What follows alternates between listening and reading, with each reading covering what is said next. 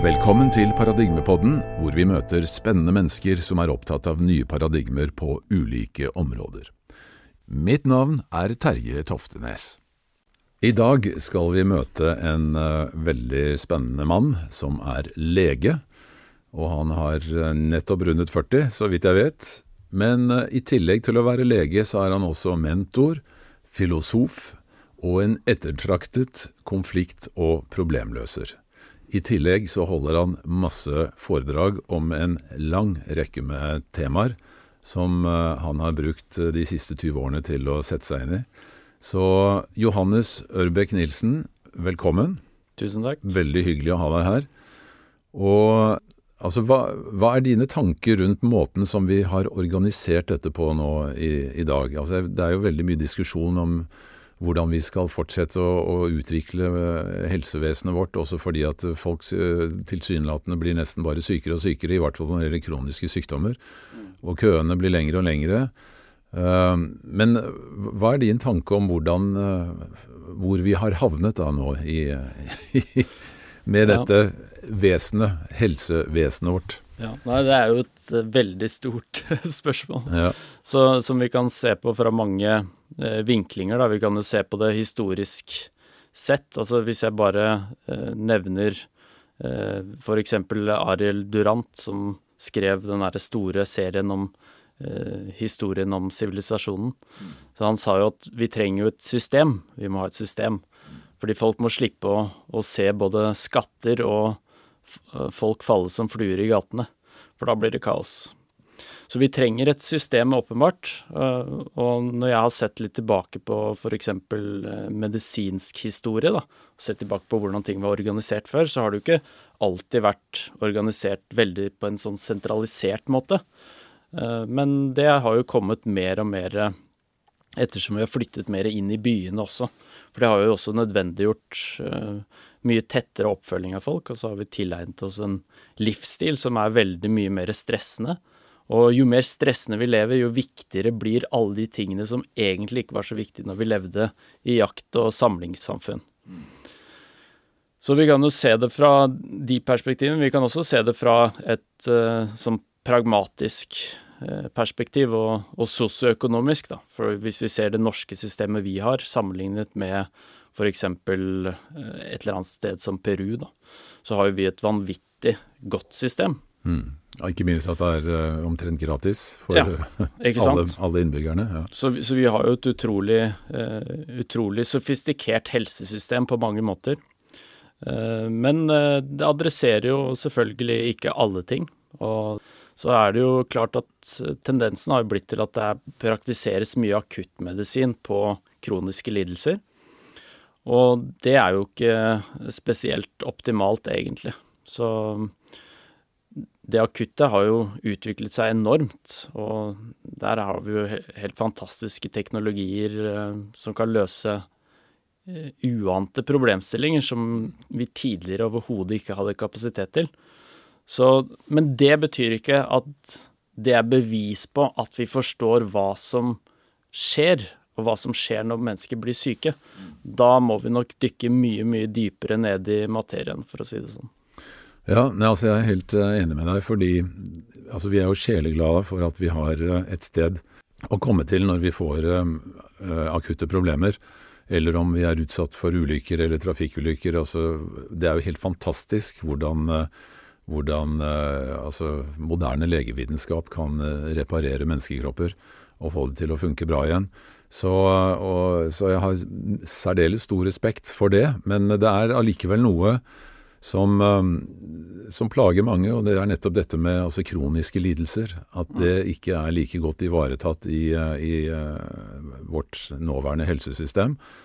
Fordi, men har det noe å gjøre med hvordan vi betrakter sykdom eh, sånn generelt? Altså, en kronisk sykdom, det, det, er veldig mange som sier at jeg blir rammet av en sykdom. Så det virker som det er et slags uvesen som kommer fra utsiden og kaster seg på altså nesten sånn styggen på ryggen omtrent. ikke sant? Ja. Uh, helt ufortjent og, og, fra det store intet. Uh, og det har gjort at uh, ja, altså vi har liksom fått en holdning til sykdommer, og spesielt kronisk sykdom, som er veldig, kanskje litt sær og, og rar og feil. Hva mm. mener du om det?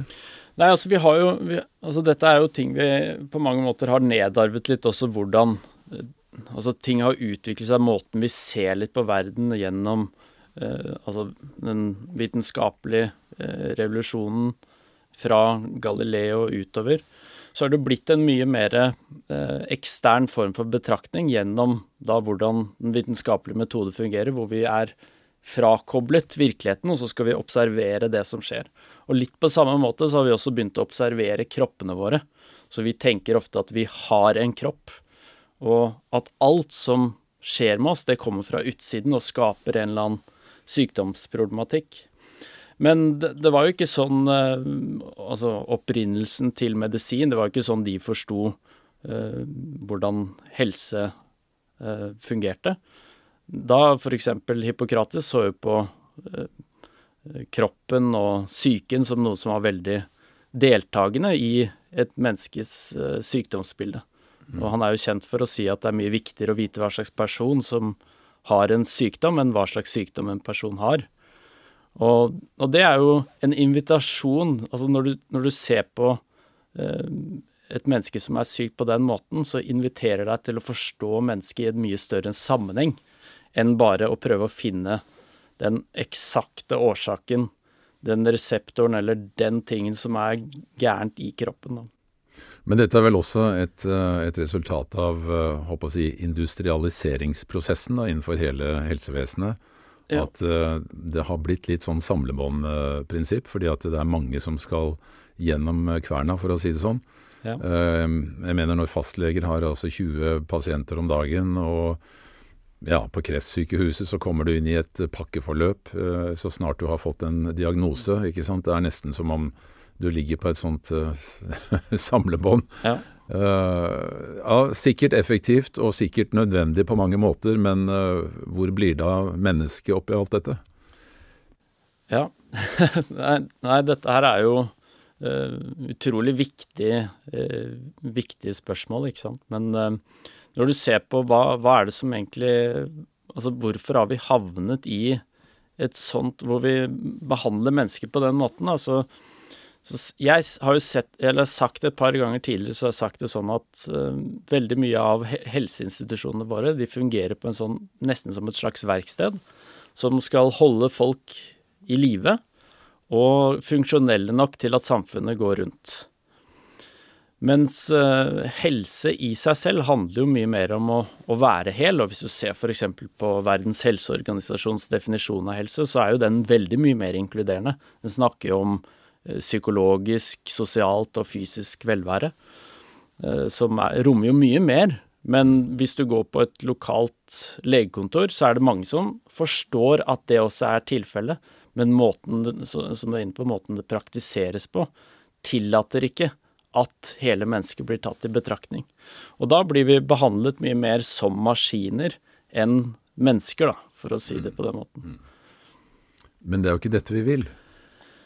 Nei, i utgangspunktet så er det jo e egentlig ingen som vil det, men det er såpass attraktivt, uh, det systemet, for det gir en veldig rask quick fix. Og så tillater det oss også å leve på overflaten, slik at vi ikke må dykke ned i de underliggende problemstillingene som er både i livet vårt og i samfunnet.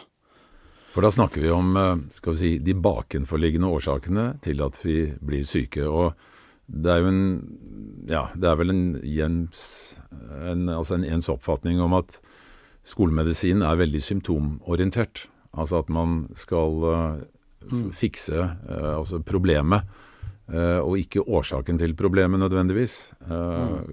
Ja, hva er dine tanker der? Nei, altså der, er, der igjen så blir det jo en sånn Det er veldig vanlig å tenke at det finnes én årsak til en problemstilling. Selv om det ofte er en sånn helgardering hvor man sier at det er psykisk, det er litt sosialt, og det er litt miljø, litt genetisk osv. Men i praksis så er det veldig ofte at det er én problemstilling. Så hvis du har et surt oppstøt f.eks. Eh, i, i mage-spiserør, så er jo årsaken at det er for mye syre der. Og da trenger du å ta denne tabletten som roer ned syrenivået i kroppen. Så selv om vi tenker jo, jo, men det er mer som spiller inn, så praksisen sier litt om hvordan det blir tenkt, da. Mm. Så da, det er jo et veldig eksempel. Jeg var jo borti en pasient en gang som hadde vært eh, på alle mulige slags utredninger for nettopp den problemstilling med halsbrann. Mm. Og hadde jo blitt skopert i både hodet og baken, for å si det sånn. Mm. Og, men ingen hadde jo tatt seg tiden til å spørre han om hva han spiste og drakk i løpet av eh, dagen. Og det jeg fant ut, var at han fikk i seg åtte kopper kaffe i løpet av en dag. Mm. Så jeg har du noen gang tenkt på å kutte ned mengden eh, kaffe? Så sa han nei, det har jeg aldri tenkt på. ikke sant? Og da, det sier jo bare litt om at du kan blindt gå gjennom eh, hele helsesystemet og bruke masse ressurser. Mm. Når ett lite spørsmål og en, et livsstilstiltak kunne vært med på å spare både masse penger, men også hjelpe vedkommende å få et bedre liv, da. Men hvor, hvorfor er det så lite fokus på nettopp det, altså livsstilstiltak og, og kosthold, i helsevesenet generelt? Altså jeg tenker at det er et eh, For det første så tenker jeg det, altså det er et tidsproblem, det er jo det ene. At det er, ikke, det er ikke nok tid til å gjøre det. Men jeg tenker også at det er et kompetanseproblem. At det er, det er, ikke god nok kompetanse i forhold til å hjelpe mennesker med å endre på atferden i livet. Men hvor, hvor mye f.eks. ernæringslære hadde du på legestudiet? Uh, nei, altså sånn altså Hvis jeg snakker for meg personlig, så, så, leste jo jeg og lærte mye om, men i pensum så er det ikke Så har jo ikke det vært noe særlig. Men jeg tenker jo litt sånn om medisinutdanningen ikke noe som skal ferdiglære deg, men mer som en slags introduksjon, da. Det er en introduksjon til faget som skal kvalitetssikre deg, sånn at du ikke gjør de verste feilene når du kommer ut i felten. ja, Men uh, ordentlig lege blir du ikke før du har fått noen år på baken? Nei, jeg vil jo si det sånn at uh, nå har vi jo sett f.eks. at den der nye uh, eh, AI, den derre chat GPT, yes. den har jo bestått medisinsk Eh, altså eksamen borte i USA. Ja. altså USMLI og det greiene der, da. Det er jo helt utrolig. ja. Ikke sant, og det er jo helt fantastisk. Men det sier jo også noe om at det er en stor forskjell på det å bli lege og det å være en god lege, da, som jeg vil si krever ganske mye mer. Ja, absolutt. Altså, du har um, Du hadde et innlegg på Facebook her for en tid tilbake hvor du slår fast at Norge har verdens høyeste sykefravær. Hva må vi gjøre for å, mm. å møte det? Altså jeg kan jo kort uh, bare si at uh, det har vært mange teorier rundt hvorfor sykefraværet er så høyt. Men når vi justerer for forskjeller til tross for modeller osv., så, videre, så har uh, Norge fortsatt et av de høyeste sykefraværene i, i, i verden. Og i hvert fall i Europa. Og hvis du ser på hva som skal være en av hovedårsakene, så en av de mest populære teoriene i forhold til hva det må være, er et kulturelt problem. At det er blitt mer allment akseptert å ta seg en pust i bakken når livet er tøft og vanskelig, og samtidig som vi også har muligheten til det. Samtidig, så hvis vi skal gjøre noe med dette her, så er det utrolig viktig at vi får snudd om litt på måten vi tilnærmer oss ulike problemstillinger. Så en ting jeg har vært veldig opptatt av, det er å kutte ut denne modellen som vi bare Vi gir folk en pause på sidelinja på én til to uker, og så skjer det ingenting på sidelinja. Det er ingen oppgradering, det er ingenting. Du får bare en pause. Så du har, bygger opp Du lader batteriene igjen, sånn at du kan komme deg på samlebånd igjen. Og så er det tilbake i den industrielle maskinen og tilbake i rotteracet og kjøre samme reprise på nytt og på nytt og på nytt. Og sånn fortsetter sykefraværet hele tiden. Så hvis vi ønsker å få en ordentlig endring på det, ikke bare må vi gjøre noe med hvordan Altså endre litt på eh, kanskje dybden vi lever i forhold til oss selv, og adressere litt mer dypere problemstillinger i livet, istedenfor å bare glatte overflaten. Som Ibsen sa, han sa 'i dyp må vi ned', for der får du fred fra evighet'. Og det er noe med det at uh, å leve et liv som vannløper, det blir ofte ganske trøblete i lengden. Mm. Så jeg vil si det sånn at hvis vi skal endre, så vil vi endre på det å gjøre kvalitetsmessig tiltak og skift når folk står på sidelinja. Det er litt den Vi kan ikke bare drive og gi folk fisk hele tiden. Vi må også lære de å fiske. Vi må lære mennesker å leve godt. Mm. Vi kan ikke bare gi mennesker sukkertøy som skal gi de et falskt godt liv på kort sikt. Det tenker jeg er veldig viktig, samtidig som at hvert individ får en mulighet til å få bli ressurssterke og lære å løse egne livsproblemer og bli godt kjent med seg selv. Og kanskje den aller viktigste tingen jeg vil si for å oppgradere helsesituasjonen i Norge, det vil jeg si at flere og flere mennesker lærer seg å håndtere tanker og følelser på en god måte. For det er ikke noe vi lærer fra uh, fødselen av. Vi blir alle kastet rett ut på motorveien uten opplæring. Og det som ofte skjer, er at uh, jeg har noen ganger nevnt at vi blir lært opp til å ta vare på kroppen vår.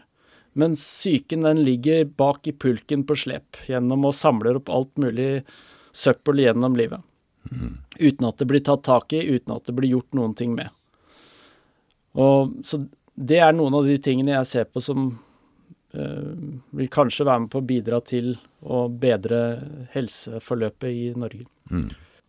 Men du, øh, menneskekroppen er jo mye mer enn kjøtt og blod og kjemi. Um, hva er det vi, hva er det vi mangler kunnskap om primært i, når det gjelder mennesket? Eh, det er ganske, ganske mye, for å si det sånn. Altså for det første så har vi jo altså Hvis du stiller bare spørsmålet hva er kroppen laget av, så kan du begynne å bryte det ned til eh, celler og organer og vev og eh, atomer, og så kan du jo finne ut hva er det for noe. Jo, det er materie. Og så kan du spørre hva materie er, og så dykker du dypere og dypere, og til slutt så sitter du bare igjen med en sannsynlighetssky som ingen helt vet hva er, som vi kan manipulere. Vi kan jo operere på dette her, og vi vet eh, hvordan vi skal eh, bruke det. Mm. Men det betyr ikke nødvendigvis at vi forstår det godt. Mm. Og det, det, er jo et åpenbart spørsmål som Hvis, hvis du stiller det eh, flere og flere ganger, så vil du jo begynne å tvile litt mer på hva er det vi egentlig driver og prøver å fikse opp i. Mm.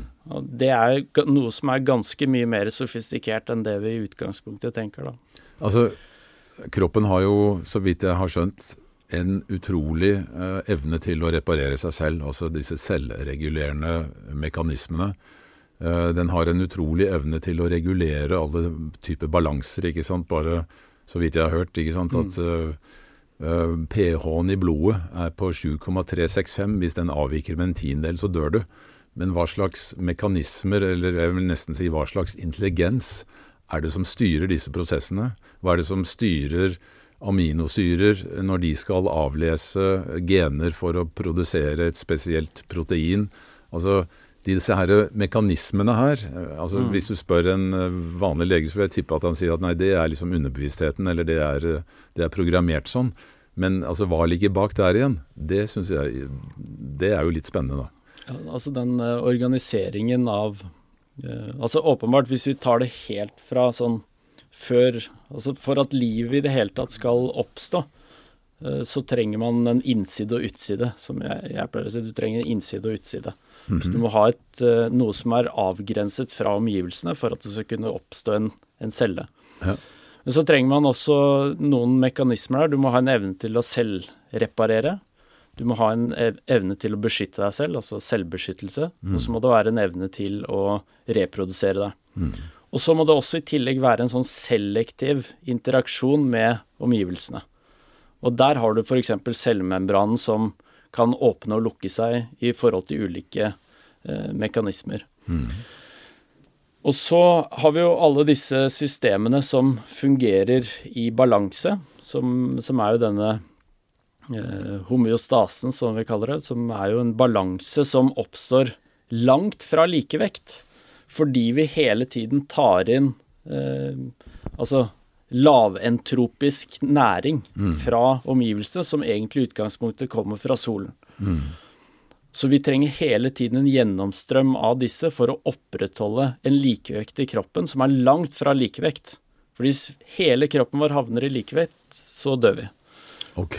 Ja. Det der må du utdype litt, det skjønte jeg ikke helt. Nei, altså fordi det som skjer, er jo øh, Det som skjer, er at hvis jeg tar inn La oss si jeg spiser en banan, jeg spiser noe frukt og grønnsaker, får det inn i kroppen min. Det som skjer da, er at fra at hele systemet er i total likevekt, så beveger jeg meg ganske langt vekk fra likevekt. Når du får dette inn i kroppen? Ja. Mm. Og det er jo det som opprettholder formen til organismen, da. Okay.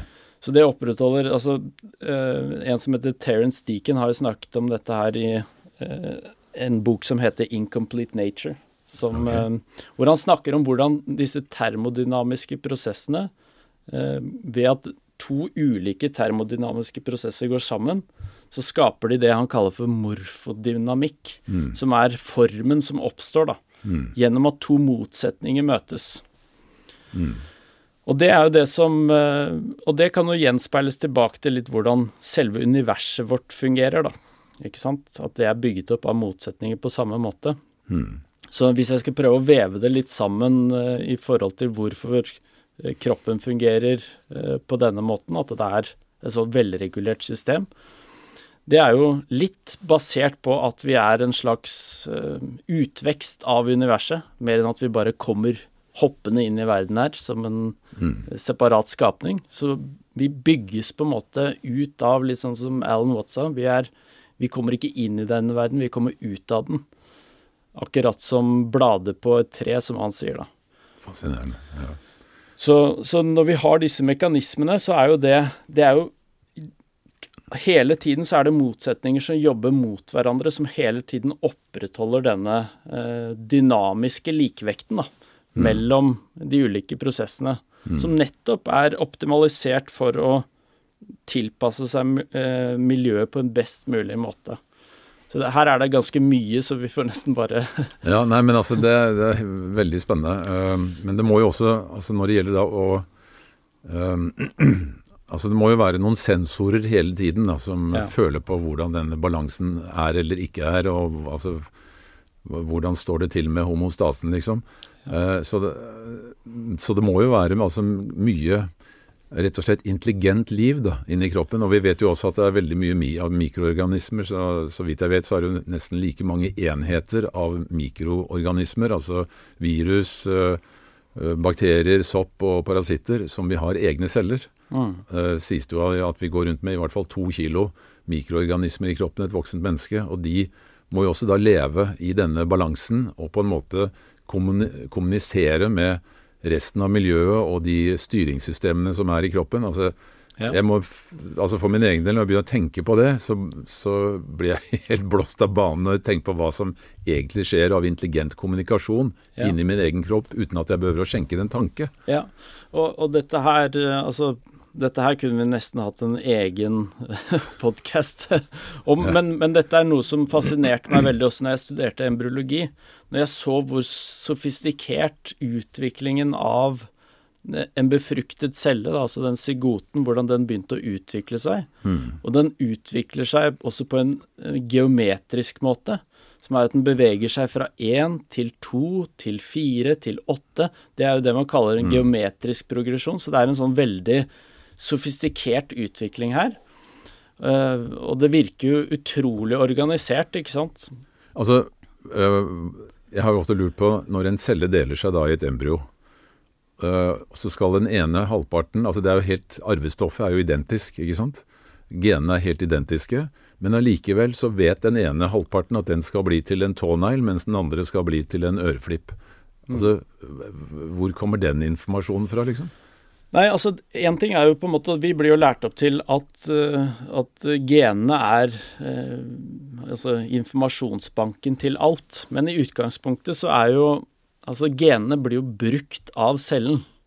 Så hvis, du, hvis jeg hadde lagt arvematerialet ditt her på bordet, så hadde det ikke gjort en damn shit, for å si det sånn. Det er nesten som den der klaviaturet, altså det pianoet som står bak deg her, med 88 ja. tangenter. Det er helt stille inntil det kommer noen og spiller på det. Er det sånn du tenker det? Ja, så genene det, det, det er en veldig fin metafor, egentlig, fordi eh, det er ofte det jeg også Når jeg har skrevet om dette her, og når jeg snakker om det, så sier jeg ofte at eh, altså genomet, det blir spilt av cellen.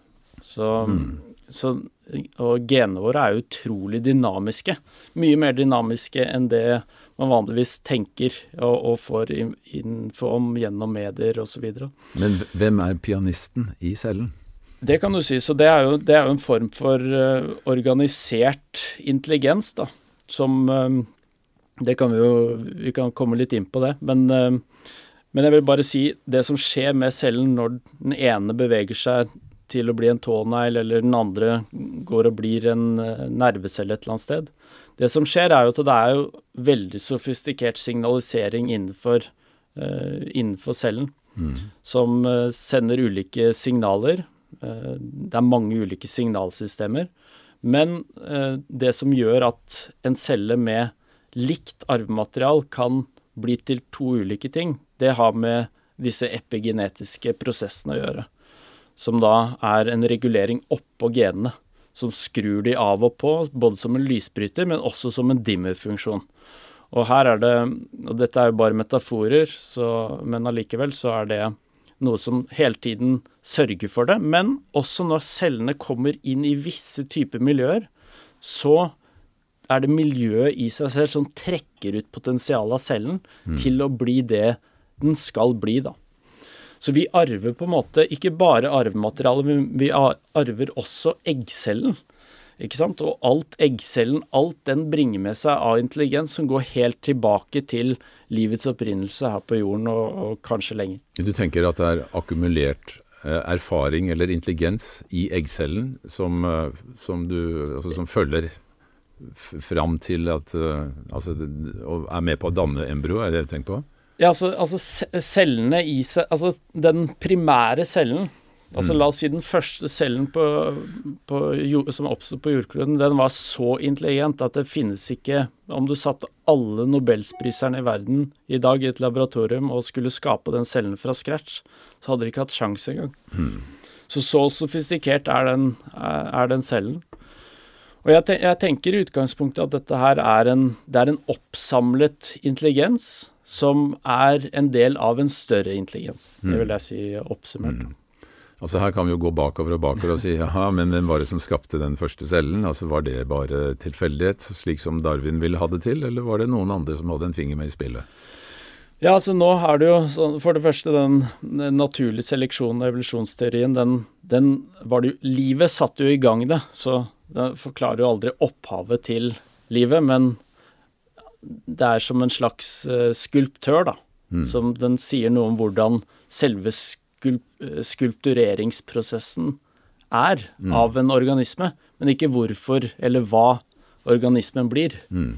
Men nå er det jo altså Nå hopper vi jo litt her, men siden først, vi først er inne på dette med evolusjon, ja. så er det jo mange som sier det at uh, fordi at uh, hele naturen er bygget på systemer, altså store, komplekse systemer, hvor alle delene egentlig må være på plass for at det skal fungere, så er det fullstendig umulig å forklare ut fra skal vi si, troen på Darwins utviklingslære. Da, at det, liksom, det var tilfeldige mutasjoner som da gjorde at den beste varianten overlevde. altså At det liksom gikk sånn én og én og én av gangen. Og det var en som sammenlignet f.eks. hvis du skal bygge en musefelle så kan du ikke begynne med én del, liksom. Du må ha alle delene på plass, alle syv eller åtte delene på plass samtidig for at det skal fungere. Og sånn er det vel også med systemene i kroppen. At du kan ikke utvikle et system liksom bit for bit. Du kan ikke bygge et urverk i en klokke bit for bit og forvente at klokka skal gå allerede fra den første biten, ikke sant. Nei, men samtidig så, her, så er det også en sånn at uh, altså du kan ha delvise funksjoner som uh, fusjonerer med andre funksjoner. Så, så, og over tid så, så kan det bli, bli, noe ganske sofistikert ut av det. Men allikevel så er det noe som er relativt uforklart i, i evolusjonen. Det er jo særlig hva er det som gir opphav til formen? Mm. Altså selve formen. Altså det at vi utvikler en vi har, vi har, to lunger på hver side. Det er en symmetri her. Altså det er en, det er en åpenbar eh, blåtegning, kan du si. da. Mm. Så en zygote, altså en befruktet eggcelle, vet at den skal bli en organisme. Mm. Vet den skal bli et menneske som sitter og har en podkast, f.eks. Altså, da er vi, ja, det, nå er vi helt inne på livets kjerne, da. Og Ja, jeg tror ikke vi kan klare å løse den i løpet av den podkasten her, men det er, det er, veldig interessant å, å, reflektere rundt det. Men du, jeg har lyst til også, å, altså før vi går videre da inn på den mer filosofiske delen, som, uh, som jeg nevner, du er jo listet opp som filosof her også. Så, så, hvis vi kunne gå, hoppe litt tilbake igjen, uh, for vi snakket om medisinske systemer. Yeah. uh, altså Vi har jo et medisinsk system som jobber holdt på å si, parallelt med skolemedisinen, altså innenfor det som kalles komplementærmedisin, eller altså alternativmedisin. Og det er jo et bredt spekter av uh, mennesker uh, med ulike kvalifikasjoner og ut, uh, ulike utdannelsesbakgrunner. Altså alt fra fire-femårig, seksårig medisinsk utdannelse til tre weekendkurs i en eller annen terapi. Ja. Men allikevel det er veldig mange innenfor disse områdene her som har fantastiske resultater, også med alvorlige sykdommer som de egentlig ikke har lov til å behandle.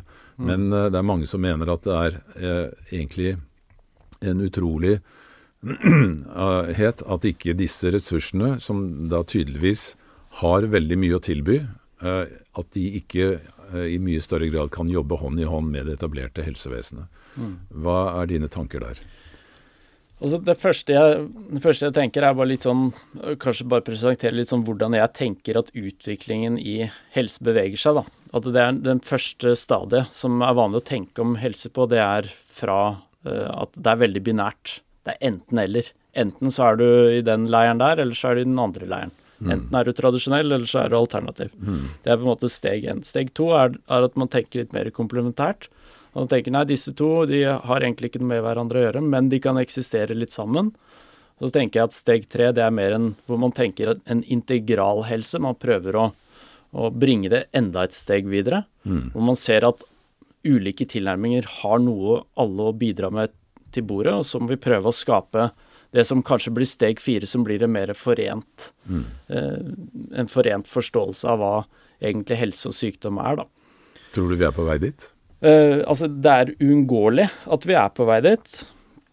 Det vil jo være uunngåelig akkurat på samme måte som, uh, som det er, har vært innenfor fysikken. Uh, forent ulike elektrisitet og magnetisme osv. Vi skal ikke åpne den døren nå, men, men det tradisjonelle helsevesenet, de har jo Det er greit å se på fordelene de har, da. Det er at det er veldig organisert. Kjempeorganisert. Det har en effektivitet. Um, og der det er ordnet og organisert, der flyter penga inn, da, ikke sant. Litt sånn som med mm. Google. Mm. Masse søkemotorer, men den beste, det er Google, og du går stort sett dit. Mm.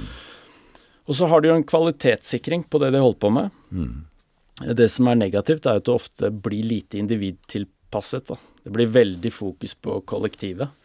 Uh, og nettopp litt sånn som jeg snakket om i stad, det der å holde folk i live og funksjonelle nok, men ikke nødvendigvis ta i betraktning hele personen. Så mm. det mangler ofte. Og så er det jo uh, veldig lite inkludert det indre livet og dens betydning, og det sosiale livet for så vidt, mm.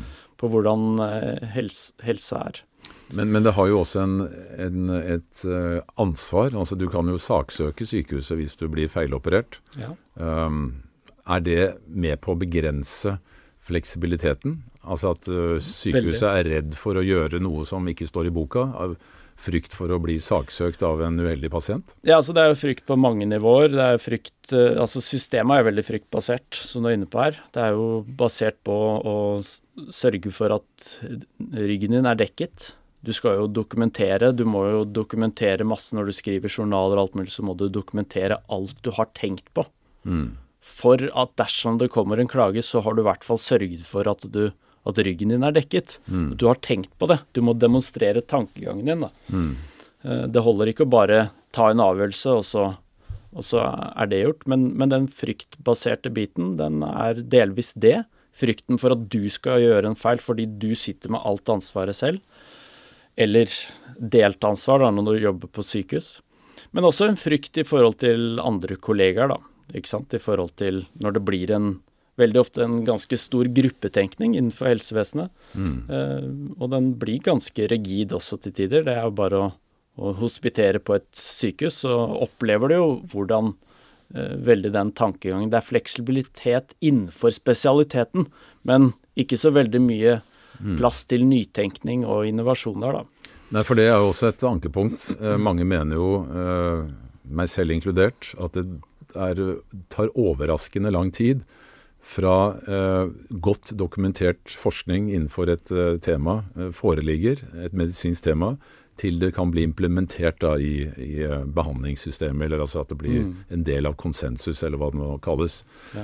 Og Så er spørsmålet hvorfor tar det liksom år eh, etter at man har funnet ut at den medisinen eller den behandlingen har en mye større effekt enn den andre, også, mm. Eller at uh, f.eks. ta dette med sukker, da, ikke sant. Som, uh, nå har vi så mye god dokumentasjon på at sukker er altså mm. rene nesten som gift. Det bør være like mye forbud mot sukker som mot tobakk og, og, og si, psykedeliske stoffer, hvis man skal se det i et rent helseperspektiv. Men allikevel så opererer jo f.eks. Radiumhospitalet med en du kommer jo nesten til et sånt dekket bord av boller og cola og pølser eh, når du kommer inn i resepsjonen der, og du blir servert vafler med syltetøy mens du sitter og venter på behandling. ikke sant? Altså, hvorfor tar det sånn tid? Altså, jeg tenker at det er som jeg har observert, òg, for jeg har jo snakket litt med en del eh, kolleger også, jeg, jeg ser jo at det er, det er jo en, åpenbart to grupperinger innenfor uh, helsevesenet sånn sett. Du har de som er uh, veldig praktisk orientert, og de som er ute etter å finne ut hva som er sant. Mm. Og veldig mange av de som ønsker å finne ut hva som er sant, de er jo ofte mye lenger i, i, tankegangen og befinner seg veldig langt unna det praktiske. Mm -hmm. mens, og noen har jo delt opp dette her i, i, frosker og ørner. da, ikke sant? At du har ørnene som er ute etter å se hva som foregår, mens froskene jobber på bakken. nå, ikke sant? Ja. Og der blir det en veldig stor distanse. Så, så den tiden det tar fra f.eks. en ny forskning eller et eller annet sånt, at det blir implementert i praksis, det tror jeg tar veldig lang tid fordi det må gå gjennom alle institusjonene, kvalitetssikringen, og også den distansen som befinner seg mellom de som jobber på bakken, og de som jobber helt i bresjen. Mm. For det, det, er jo utrolig mye interessante ting som finnes av altså studier i helsefeltet og alt mulig som, eh, ja, som har funnet ut helt nye ting som er veldig, veldig revolusjonerende. Men som du er inne på, det tar kjempelang tid før det kommer inn. det, Jeg tror det er mye av den grunnen at det er så lite kommunikasjon mm. uh, mellom de ytterpunktene der. da. Ja. Og så selvfølgelig eh, drivkreftene bak det er jo også veldig eh, farmakologisk, da. Mm. Altså det er jo styrt av legemiddelindustrien, og selv om du finner ut noe som er veldig, veldig fantastisk, så hvis ikke du slenger med på slutten av artikkelen at forhåpentligvis kan dette bli til, mm, mm. så får du ikke funding, ikke sant. Mm. Så, så er, jeg, jeg, ser det er um, to sånne type drivkrefter innenfor det tradisjonelle. For det, altså Når det gjelder forskning på medisin generelt, så, så, er det vel ikke til å unngå at det er altså mulighetene for å komme fram til et uh, patenterbart uh, produkt som kan generere store inntekter, enten for forskerne eller for sykehuset. Det må jo være en ganske sterk motivator, da. Det, det er jo absolutt det. Og, og, her er det jo altså studier og forskning, alt mulig, bader jo i penger fra legemiddelindustrien. Så, så, de vil jo alltid ha en liten finger med i spillet. Så når du da kommer med en, eh, en eh, skal vi si, revolusjonerende diett som ja. kan eh, gi nesten samme effekten som et legemiddel som har kostet fem milliarder dollar å forske frem, mm. så, så, er det kanskje ikke så rart å skjønne hvem som vinner til slutt. Nei.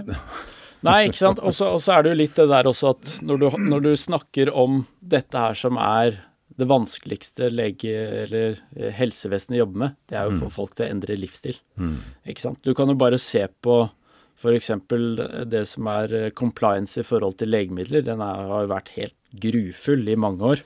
Og det mm. har de jo dokumentert. at omtrent, altså Det er vel nesten færre enn 50% som tar pillene som forskrevet. Ja. Og det er jo veldig ofte fordi du får bare beskjed ta disse pillene, men så er det ikke alle som ønsker det. Mm. Og når du har en sånn, eh, sånn forståelse, så skjønner du at det helsevesenet egentlig trenger å jobbe med, det er hvordan få mennesker til å endre livsstil. Mm. Og da vil det jo være mye billigere, men igjen så er spørsmålet vil folk ha det, vil legemiddelindustrien ha det, og vil legen ha det? For hvis folk blir friske, så har du plutselig ikke pasienter på kontoret lenger. Ikke sant. altså du, jeg ser jo av den på nettsiden din at en av de foredragene du holder, det handler jo nettopp om overmedisinering. Ja. At det er en, et veldig Altså et stort problem. Mm. Si litt om det. Nei, altså vi har jo på mange måter levd litt sånn i mange år nå at vi har et altfor mye piller i sirkulasjon. da. Mm. Og folk tenker at det er eh, Altså det er en pille for enhver problemstilling du har. Mm. Eh, til og med så har vi jo fått promotert en såkalt lykkepille som skal løse eh, tristhet, nedforhet og depresjon i livet. Som egentlig ikke var en depresjonspille. det var egentlig ikke det den var. Mm -hmm. Men den ble markedsført som det. Som en antidepressiv eh, medisin. Og det var jo eh, var vel Pfizer som var ansvarlig for, eh, for det. Mm -hmm. Så, så det, i utgangspunktet så var det ikke det medikamentet gjorde, for det er jo bare en noe som, eh, som, sørger for å begrense opptaket av serotonin, ikke sant. Okay, okay. Så, men hele poenget bak det, det er jo å sørge for at du skal få mer av et eller annet kjemikalie i hodet. Som, eh, og da blir du jo lært opp gjennom denne medisineringen som Jeg vet ikke, husker ikke hvor mye det er, men jeg tror det var nesten 300 millioner forskrivninger av antidepressiva borte i USA. Ikke sant? Mm -hmm. Det forteller jo noe om befolkningens ve og vel. Ja. Men det du lærer det, gjennom det, det er at løsningene på problemene dine de kommer alltid fra utsiden. Mm. Så vi har et mangel på piller som vi trenger inn i livet. Og ikke bare trener du deg selv til å tenke sånn, og blir kanskje mindre levedyktig og flink til å løse livsproblemer, men i tillegg så blir du også lært Du lærer jo nervesystemet ditt og alle cellene dine i kroppen til å bli avhengig av noe på mm. utsiden for å skape en balanse. Mm. Og da tenker jeg at vi havner litt ut av vater, da. Mm. Så den overmedisineringen vi har der, den er jo med på å hindre at folk dykker litt dypere ned i livet og prøver å finne litt eh, ja, litt mer mm. det, var jo, det var en som sa en gang at um, altså Paracet hjelper mot hodepine, men årsaken til hodepine er ikke mangelen på Paracet. Nei. og det der er jo også en sånn Altså, bruker du Paracet uh, over en periode også, mm. så har det jo en paradoksal effekt at du får jo mer hodepine, medikamentutløst hodepine. Mm. Så du får mer hodepine av å bruke Paracet, og så trenger du mer Paracet for å bruke eller for å få ned hodepinen, mm. osv. Og, og det er jo sånn med mange andre medisiner også at uh, Altså Du får bivirkninger av enkelte medisiner, og så får du nye medisiner mot bivirkningene osv. Så, videre, så du er inne i en sånn ond ja. Eh, karusell. Da. Og Det er jo sånn det ofte er, og sånn er det med nesespray også, som folk bruker i bøtter av spann. Som jeg vil si bare, det er det mest idiotiske du kan bruke. da. Mm.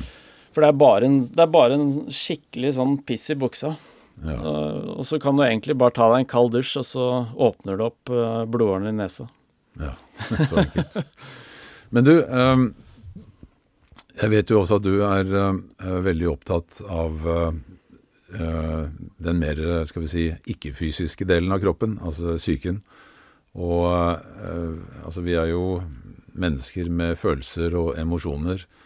Og vi er jo full, vi er fantastisk flinke til å skape både dramaer og, og traumer og kriser og det, det hele. Altså Ja.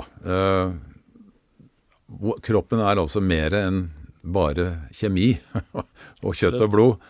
Uh, tar vi nok hensyn til disse sammenhengene i moderne medisin? Uh, Overhodet ikke, vil jeg jo si. Uh, det er det resolutte svaret på det. Overhodet ikke. Mm. Det er en veldig mangelfull implementering av psyken i helsetilstander. Mm. Eh, og den har en veldig sterk påvirkning på hvordan mennesker lever livene sine.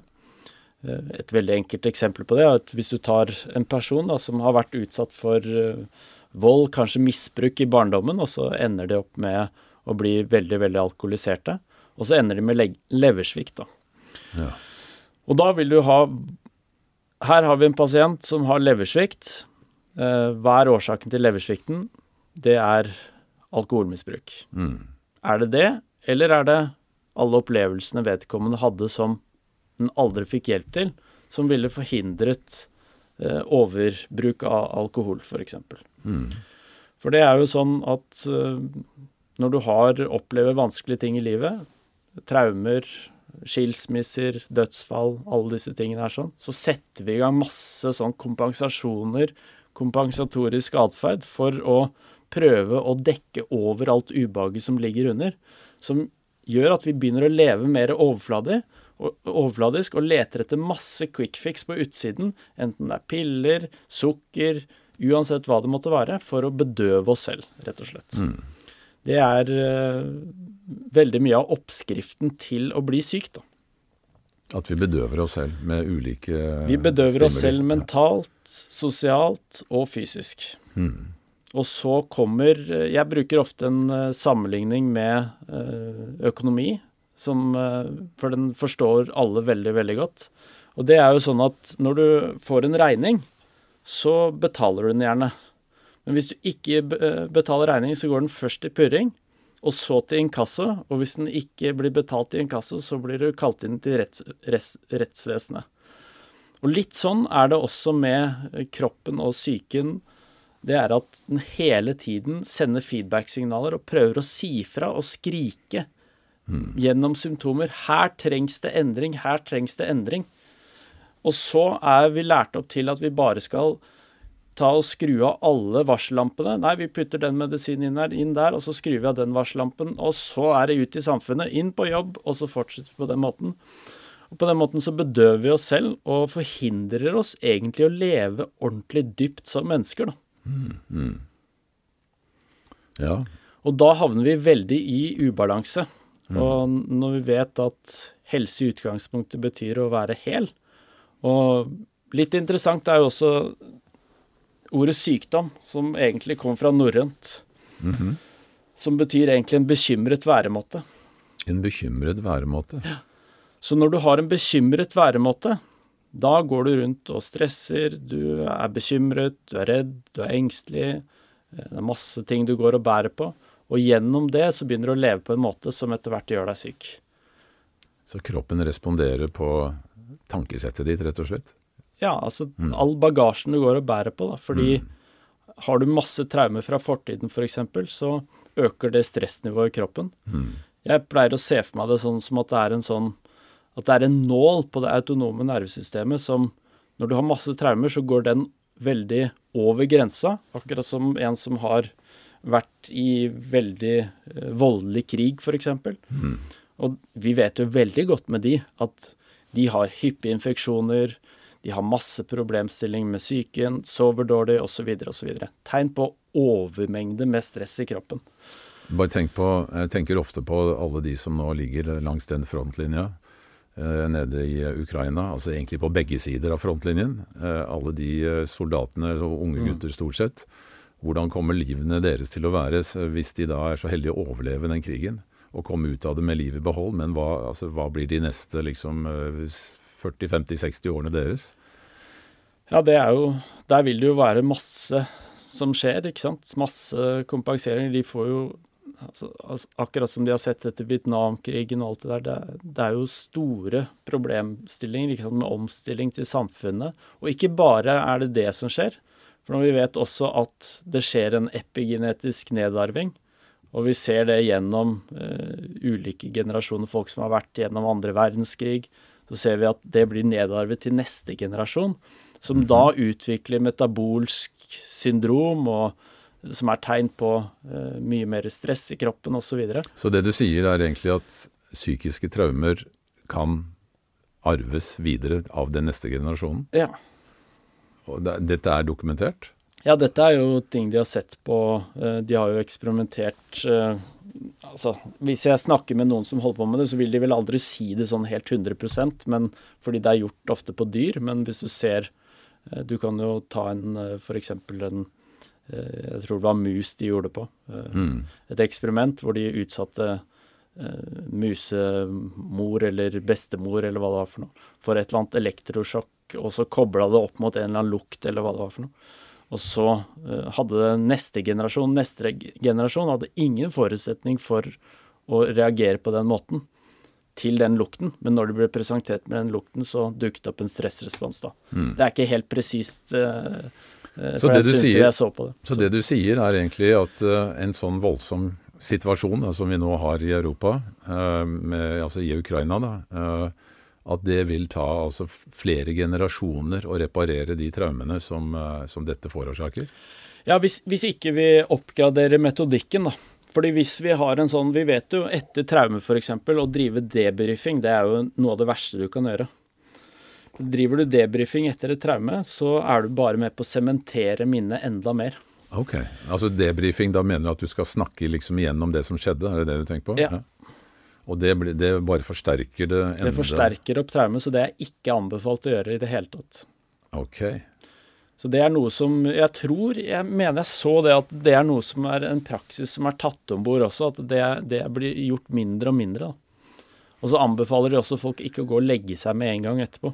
Mm -hmm. Fordi det, det, å sove er jo også en veldig minneforsterker. Altså hvis du har vært, la oss si en litt sånn dramatisk trafikkulykke, da. Ja. Så uh, hvordan skal du håndtere det? Altså på det psykiske plan for deg selv? Altså Det optimale, hvis man skal virkelig gå til verks her, så må man jo gå rett inn og så begynne å uh, få endret på oppfatningen med en eneste gang. Fordi minner er jo sånn at de, de fungerer jo ikke som et, en båndopptaker av fortiden. Det er mye mer sånn at de oppdaterer seg hele tiden. Mm -hmm. Så de gjorde en, Det var en psykolog som gjorde et studie i forhold til uh, eh, 9-11. Ja hvor de så på hvordan minnene endret seg, og de endret seg fullstendig. Altså det var sånn 50% endring på minnenes innhold fra første gang det ble rapportert, til et par år etterpå. Altså over tid så endrer minnet seg om det som fysisk har uh, skjedd? Ja, og det er fordi minner er egentlig ikke der for å være et presist uh, båndopptak av fortiden, men det skal oppdatere seg og hele tiden tjene deg som en organisme. Mm -hmm. så, så minnene dine Og dette er jo relevant i forhold til hvis du krangler med kona eller mannen din eller et eller annet sånt noe. For det du driver og prater om når man snakker om hva som ble sagt og ikke sagt i fortiden, og som aldri finner en løsning, det er jo at begge bruker fortiden til sin egen fordel. Mm. Og det er det minner egentlig er til for å gjøre, da. Kjenner meg igjen, ja. det var ikke det jeg sa. Ikke nei, ikke sant. Ja, men det var det jeg sa. Du, nei, du sa ikke det, du sa det. Mm. Ikke sant. Og det som skjer da, er at man bruker minner til sin egen fordel basert på hva som er viktig for en. Mm. Og det er sånn minner ofte funker, da. Så, ikke, så, hvis man skal gå virkelig inn der og behandle det, så må man gå inn og så få endret direkte på oppfatning. Og da må man gå inn og, og, og se ok, hva, hva, kan du bruke det til? Hva, hvordan skal du bruke trafikkulykken til et eller annet i livet ditt? Ikke sant? Så man, man, kan gå inn såpass tidlig, mm. selv om det kan virke brutalt, men det er ofte det beste for helsa på sikt. da. Og dette finnes det et uh, tilbud altså Jeg skjønner jo at du er en av de som nettopp har det tilbudet. Er det mange som deg? Uh, det vet jeg ikke, men uh, altså Det finnes helt sikkert. Det gjør det garantert. Men jeg tror det her er mer som, som kommer mer og mer. Mm. Men det er litt basert på det prinsippet at fortiden er ikke et sted du skal bo, men et sted du skal lære, da. Ja. Så, og hvis vi ikke bruker fortiden til læring og får bearbeidet de tingene, så vil det være en gasspedal mot ulike symptomer og sykdommer i fremtiden. Men altså det du sier nå, Johannes, er at, eh, at du faktisk manipulerer situasjonen. Er det det, er det det som skjer? Nei, altså det er egentlig ikke en manipulering av det, men jeg vil si det sånn at hvis, hvis du opplever et eller annet i fortiden, eller la oss si du opplever et eller annet Du går ut av døren nå, og så opplever du et eller annet traumatisk, så, så er det to komponenter til det minnet. Det ene er bildet av hva som skjer, og det andre det er en følelsesmessig komponent, akkurat som en merkelapp, som blir festet på det minnet. Mm.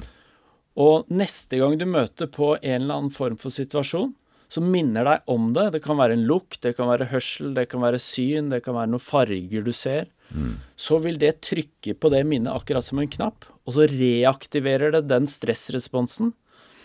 Og da vil det spille av i kroppen og kunne gi opphav til da symptomer og plager som du ser ofte gjennom de som har PTSD. da. Ja. Så ser du det at det kan være så enkelt at de går inn i en restaurant, og så hører de en eller annen musikk de hørte når de var i Vietnam. Mm. Og det er nok til å stimulere to, tre, fire, fem sånne eh, knapper fra fortiden med vanvittig stressrespons. Mm. Så spilles dette av i kroppen, og så begynner de å drikke masse for å døyve smerten. Akkurat. Eh, det er interessant du nevner dette med musikk. For altså, jeg kan oppleve når jeg hører en melodi på radio, så knytter jeg det ofte til en spesiell hendelse eller et sted, altså i min fortid. Ja. Så plutselig så er jeg der, eller så er jeg inne i den følelsen som jeg hadde den gangen jeg hørte den musikken, f.eks. Ja. Uh, det er jo for så vidt noe av det samme. Altså jeg skjønner jo hvordan, hvordan sånne ytre triggere kan altså fremkalle en uh, avspilling av noe som, mm. som, du har lagret da, i dette minnet, som du sier. Ja, og så har du koblet til da hippocampus mm. til det minnet, Ikke som sant? er det du beskriver der. At jeg kan f.eks. huske i går at da kjørte jeg bil, og mens jeg kjørte bil, så hørte jeg på eh, eller annen, et eller annet intervju. Og, og, når jeg tenker tilbake, så kan jeg si akkurat hvor jeg befant meg på veien mm. når det ble sagt. Og det er sånn typisk, ikke sant? Ja, altså, Har du et eksempel på hvordan man kan gjøre denne det, altså omprogrammeringen? da? Ja, det er jo så, så, enkelt kan det gjøres at du La oss si du har vært gjennom en veldig, veldig dramatisk eh, Ja, et brudd eller et eller annet sånt noe. Ikke sant? Og så ser du, når du går ut av det bruddet, så ser du kun ulemper. Det er mm. bare negativt for det. Det er veldig svart-hvitt tankegang. Mm. Og det vil føre til enormt mye sorg og stress og alt mulig der. Men det ligger masse skjulte oppsider der, så det enkleste å gjøre er bare å spørre hva var fordelene ved at det bruddet skjedde?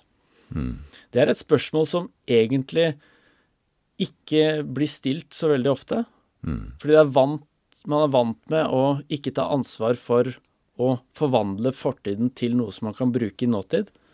Det bygges mye oftere opp under den offermentaliteten som at det har skjedd noe fælt med meg, istedenfor å ta ansvar for hva skal jeg bruke det som har skjedd i fortiden, til i nåtid. Mm. Og den type tankegang tror jeg er veldig viktig å få inn mer i både helse og psykologi, ja. for å si det sånn. Så du, du, du tvinger deg selv til å, å, å vri det over til noe som har en mer, mye mer positiv karakter? Altså at det kan ligge en gevinst i det? det jeg, jeg, vil ikke, jeg, vil ikke, si at man tvinger seg til det heller, da. Jeg vil si at i utgangspunktet så er det der. Og sånn, ja. Potensialet ja. til at det er positive og negative ting, er der i utgangspunktet. Mm. Mm. Det er bare det at når du ser den tingen, så, så splitter bevisstheten din seg inn i, i to. Så den splitter seg i en bevisst komponent og en underbevisst komponent. Mm. Det du er bevisst på, er bare det negative. Ja. Mens i det hele så ligger det et veldig stort tolkningspotensial som er ubenyttet. Og det er masse, masse muligheter. Det er derfor vi sier at det er masse muligheter i kriser. Ja. Men dette er typisk for venstre hjernehalvdel å bare zoome inn på det der. Det er bare svart-hvitt. Enten eller. Enten så er det et brudd dårlig, eller så er det bra. Men så det underbevisste har en mye større forståelse. Så derfor så vil ofte, hvis du er Bare for å hoppe litt her Hvis du er kjempeforelska, så er du blind på samme måte for alle nedsider ved den partneren du møter. Mm. Og når du er blind for alle de nedsidene, så ser du ikke hva, du ser ikke hva som er negativt. Mm. Og går bare og tenker at alt er litt, og dette er fantastisk, og hva, litt av et liv vi kommer til å få. Og så går det to år, og så får du avslørt alt mulig eh, djevelskap på kjøpet. Mm, mm, mm. ikke sant? Og da har du jo Det er ikke det at du i utgangspunktet ikke de negative tingene var til stede første gang du møttes, og du bare så fordeler. Mm. Det tolkningspotensialet var der fortsatt, men bevisstheten din zoomet inn på det du ville se, og så ignorerte alt det andre. Mm. Ja, Det er jo ikke akkurat et uh, ukjent fenomen. Det er nok mange som har hatt sånne opplevelser uh, gjennom livet. Men uh, men uh, du nevner dette med høyre eh, eller venstre hjernehalvdel. Uh, for de av oss som ikke er så inne i skal vi si, anatomien, forklar litt av hvordan de to delene av hjernen fungerer, liksom, sånn grovt sett. Altså, De to hjernehalvdelene har jo utviklet seg eh, gjennom eh, evolusjonen. Og de er jo ganske asymmetriske. De er ulike på mange måter. Eh, både i hvordan de er konstruert, hvordan altså cellekomponenter Det er mange, mange ulike ting som er ulikt, men det som er viktigst å ta med seg, det er hva slags type oppmerksomhet de to hjernehalvdelene eh, eh vier til omgivelsene. Mm. Og det som er typisk for venstre hjernehalvdel, det er å zoome inn på objekter for å gripe de, ta fatt i de. Eh, den fragmenterer ting, deler ting opp. Mm. Har et, ofte et veldig todimensjonalt syn. Mm. Og dette har man jo sett både gjennom eh, studier av slagpasienter, som har fått høyre hjernehalvdel fullstendig knocket ut. Og så har man også sett det på eh, når vi går inn og stimulerer med eh, magnetiske eh, bilder, altså sånn transmagnetisk stimulering osv., mm -hmm. hvor man sørger for å dempe aktiviteten i én uh, hjernehalvdel. Mm. Så venstre er da typisk uh, når du skal gripe et glass, f.eks., så er det uh, venstre hjernehalvdel zoomer inn der og fokuserer, ser på detaljene. dette kan jeg ta, manipulere, ta det til munnen, drikke det. Det er veldig typisk uh, venstre hjernehalvdel. Mm. Mens høyres oppgave, det er å, uh, å få med seg helheten. Være på utkikk etter predatorer. Se etter farer. U, altså nye ting i omgivelsene som dukker opp. Mm. Så den er hele tiden på vakt. Og når venstre er veldig enten-eller, så er ofte høyre både og. Okay. Og venstre har en veldig liten forståelse den tar ting veldig bokstavelig ofte. Mm. Og, mens Høyre har en mye større grad av forståelse. Da. Så den kan forstå ting på en helt annen måte. Ja. Så veldig ofte så kan du få en papegøye som har lært seg ting, som husker ting, som kan si ting, men som egentlig ikke forstår det ordentlig. Mm. Uh, og det ser jeg ofte når jeg snakker med folk, så kan jeg se det sånn at hvis du har bare lært deg hva du sier, så skjønner jeg på en måte med en gang at OK, du har ikke forstått det, men du har lært deg ordene. Ok, Så mm. da er det papegøyevirksomhet. Men for at forståelsen skal komme, uh, så må høyre hjernehalvdel inn. Mm. Og da, uh, i en sånn terapisetting, så, eller samtalesetting, så må det meningsendring til. Det må en innsikt til for at det skal skje en endring i livsstil, f.eks. Mm. Så det hjelper ikke bare å si ja, jeg har forstått det intellektuelt'. Da betyr det at Venstre egentlig bare har vært aktiv, og du har bare memorert det mm. og tatt det inn. Det er viktig for meg. Mens mm. Høyre vil ha en mye dypere forståelse av ting. Mm. Og det er først da, når du får en ordentlig meningsendring, da kommer livsstilsendringen. Og det er det som ofte kan skje med mennesker når de får et hjerteinfarkt. Det er ikke det at de nødvendigvis ikke forsto at det var viktig å leve sunt eller kutte røyken, men det som skjer, er at den hendelsen er, den skaper såpass mye dybde inn i individet. Og bryter hele den venstre hjernehalvdels måte å se ting på. Som det forstyrrer alt. Og så kommer det en dypere forståelse. Hva er det jeg egentlig holdt på med? Og så kutter du røyken, for det har kommet en meningsendring. Så uten en meningsendring, så vil jeg si da er det helt umulig å endre livsstil. Ja, det virker jo veldig logisk. Det gjør det. Um igjen, altså det er lett å sitte her og, og, og tenke på sitt eget liv når jeg hører du snakke. Uh, og jeg tenker jo altså Da jeg ble syk, alvorlig syk, så, så uh, Jeg hadde hatt tendenser, altså symptomer på at det var noe feil i kroppen min, altså nesten i uh, syv-åtte år. Mm.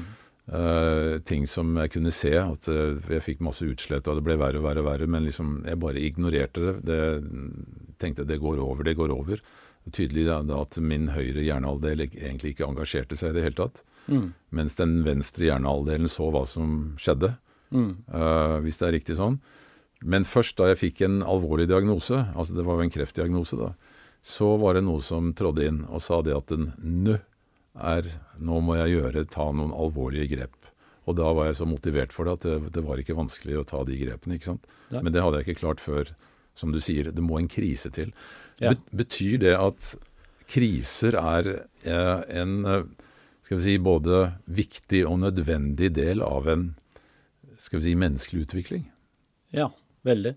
Uh, og, og, det er Hippokrates det er litt interessant, for han snakket jo om at kriser det representerte en, uh, en skillevei.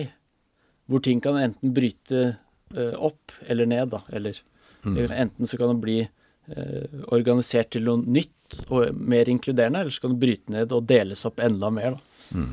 Så, det er en sånn, så kriser er utrolig viktig. Og på mange måter så er kriser helt nødvendig for å føre til vekst, da. Så uten men, det, men, igjen så har du mye mer proaktiv tilnærming, og du er mye mer utviklende mm. i måten å leve på. Så blir jo ikke kriser nødvendig på samme måte. Nei, men altså, jeg ser nesten altså får jeg, jeg, får sånn grafisk bilde i hodet av en trappe. Ja. Altså at du, så lenge ikke du har en krise, så lever du liksom eh, rett fremover. ikke sant? Du gjør de samme tingene om igjen og om igjen, om igjen, selv om det altså begynner, Du kan begynner å ane at det fører deg galt av sted, men allikevel så tar du ikke grep mm. før det plutselig krisen kommer, og så må du ta et stort skritt opp på neste trappetrinn i løpet av ja. mens du løser igjen krisen. da, ikke sant? Så, det, så jeg syns det er veldig logisk. altså det er en måte vi både lærer og utvikler oss på, det er gjennom sånne ting. Ja. Men er det det, tror du det er derfor vi er så utrolig fascinert av av drama og kriser når vi ser på filmer? Er det, altså er det egentlig en, derfor det er et sånn spennende tema i livene våre? Altså vi vil jo, De fleste mennesker vil jo bare ha det fredelig og behagelig. Allikevel, ja. så når vi skal se på TV, så vil vi gjerne se på skrekkfilmer og kriminalfilmer og folk som dreper hverandre. Altså, jeg skjønner jo ikke helt logikken. Nei, altså, sånn, altså det er jo flere ting der. Da. Nå skal man ikke overanalysere alle ting vi gjør i livet. Noen ting må vi litt sånn som Sigmund Freud sa, at det var en som spurte han, om han røyka en sigar. Satt tilbake i et fore, forelesningsrom, så var det en som spurte, spurte han om han undertrykte et eller annet eh, seksuelt da, fra den orale fasen, siden han satt og røyka sigar. Så sa han jo det at Vet du hva, noen ganger så er bare en sigar en sigar. og det er litt sånn jeg tenker òg, men det er mange ting Altså, vi lever jo åpenbart i et samfunn som, bas, som mange har beskrevet uh, som at vi har, vi har, bygget en kultur på et hav av meningsløshet. Og behandlingen for den meningsløsheten som ligger under etter, at, etter religionsfall og etter at vi Eh, fikk et ganske dramati en dramatisk endring i måten å leve på som vi egentlig aldri har restituert ut fra. Så har underholdning fått en viktigere og viktigere verdi i menneskers liv. Så det er den ene biten av det. At det fungerer som en slags sånn eh, Ja, det er en eh, buffer for de harde, brutale fakta vi møter i livet. Mm. Men jeg vil også si at det er, det er også en viss sånn trening vi driver med fordi vi, vi, ser på dramatiske ting, og det er litt sånn som vi holder på i drømmeverden også. Du forbereder deg på ulike kriser. Og, og det er noe dyr også holder på med. De driver jo med lek. Simulerer ulike scenarioer, og vi gjør det gjennom å se på ting. Men på den måten så forbereder du deg jo også på potensielle kriser. Så det er, det er en miks mellom de to, og kanskje noe mer som jeg ikke har peiling på. det er veldig fascinerende. Ja, igjen, uh, Johannes, vi er altså, uh, som du sier, nesten litt avhengig av både kriser og dramatikk i livet for å, fordi det er en del av, av utviklingen som menneske, og det er, det er absolutt meningsfullt. Mm.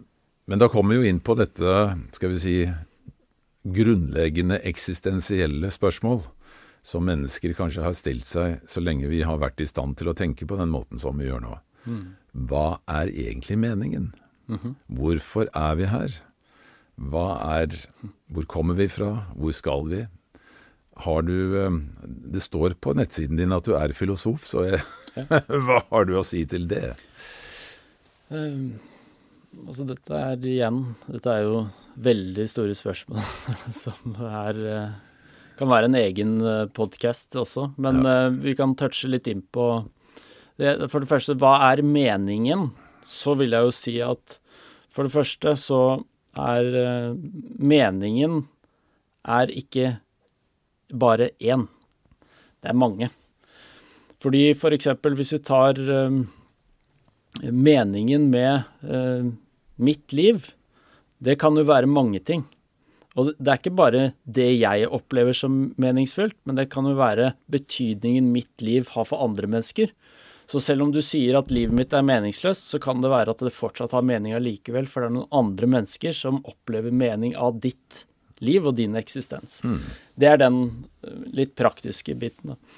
Jeg vil si at det er en lokal eh, mening og en global mening mm. i universet. Mening vil jeg si utgangspunktet for å ta den raske versjonen av det. Jeg vil si at mening er noe som er dypt iboende i universet. Det er ikke noe vi skaper. Jeg har ingen tro på at vi sitter og skaper vår egen mening, som vi er blitt lært opp til å si at nei, ting er meningsløst, du må skape din egen mening. Det er ikke sånn mening fungerer når du sitter og ser på et eller annet flott, du har en opplevelse med mennesker du eh, trives med, har interessante samtaler Det er ikke sånn du sitter og skaper mening. Du sitter ikke og manøvrerer med fingrene eller sitter, 'nå sitter jeg og skaper mening'. Det skjer gjennom en resonanse eh, når du blir mer ett med omgivelsene dine. Det skjer også når du blir mer ett med totalen av hele eksistensen. Så jeg vil jo si det sånn at med en global meningsløshet så vil det ikke være mulig med en lokal mening. Eh, jeg tror at mening oppstår gjennom aktivitet. Det er den aktiviteten du fyller opp livet ditt med. Mm. Så ditt livs mening er alle aktiviteter du fyller opp livet ditt med. Og det kan være tider hvor du er misfornøyd med de typene aktiviteter du fyller opp med, og karakteriserer det som meningsløst. Men jeg ser også hvert enkelt liv som en eh, symfoni som er i utvikling. Og noen ganger så kan vi fordømme de mørke notene av den symfonien og, og synes at det er noe helt idiotisk og bare tragisk. Men hvis vi fikk et mye større bilde av vårt eget liv, så ville vi sett at det blir et ganske flott musikkstykke allikevel. Men når du sier at, eh, du sier at, eh, at vi fyller livet med aktiviteter, og at uh, gjennom det så opplever vi mening, uh, men altså, det er veldig mange aktiviteter som i bunn og grunn er ganske meningsløse, som vi bare blir presset inn i. Du må forklare litt mer rundt det der. Yes. Ok, Så en forutsetning, da. Da kan jeg bringe det tilbake til litt uh, fire ting som jeg ser som er helt nødvendig for å ha et godt liv. Mm. Og det er at du må først kjenne deg selv, du må vite hvem du er. Du må vite, basert på hvem du er, hva du vil. Og så må du lære å håndtere tanker og følelser, og gjennom det så får du gode relasjoner. De fire tingene er helt essensielt for å leve et godt liv. Mm. Så når du skal leve et liv og fylle opp livet ditt med ulike aktiviteter, så er det mange aktiviteter du fyller opp livet med som er spontane. Det er de tingene du ikke trenger å motivere deg på. Du trenger ikke å sette på alarmklokka. Du trenger ikke å, å booste deg opp og kjøre motivasjonsrally for å sette i gang. Det er ting som du spontant setter i gang med, som er naturlig viktig for deg, det fyller deg med mening. Eh, du sitter ofte igjen med mer energi på slutten av aktiviteten enn da du begynte. Mens det motsatte er når du må motivere deg masse for å gjøre ting. Du fyller opp livet med ting du føler du bør, du må, du er nødt til å gjøre, som bare tømmer energien. Du sitter tom på slutten av aktiviteten i forhold til da du begynte. Altså, Vi sier jo veldig ofte, uh, i hvert fall innenfor spirituelle kretser, at det er veldig viktig å leve ut dine potensialer. Altså på ja. en måte, Vi er alle født, vi har med oss en ryggsekk med ulike potensialer, eller spesielle egenskaper.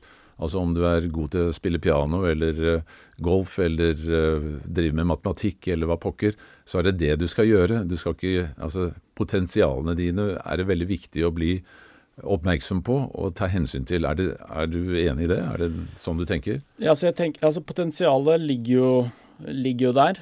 Uh, det er klart, men du må vite hva som er viktig for deg, basert på hva slags signaler du får.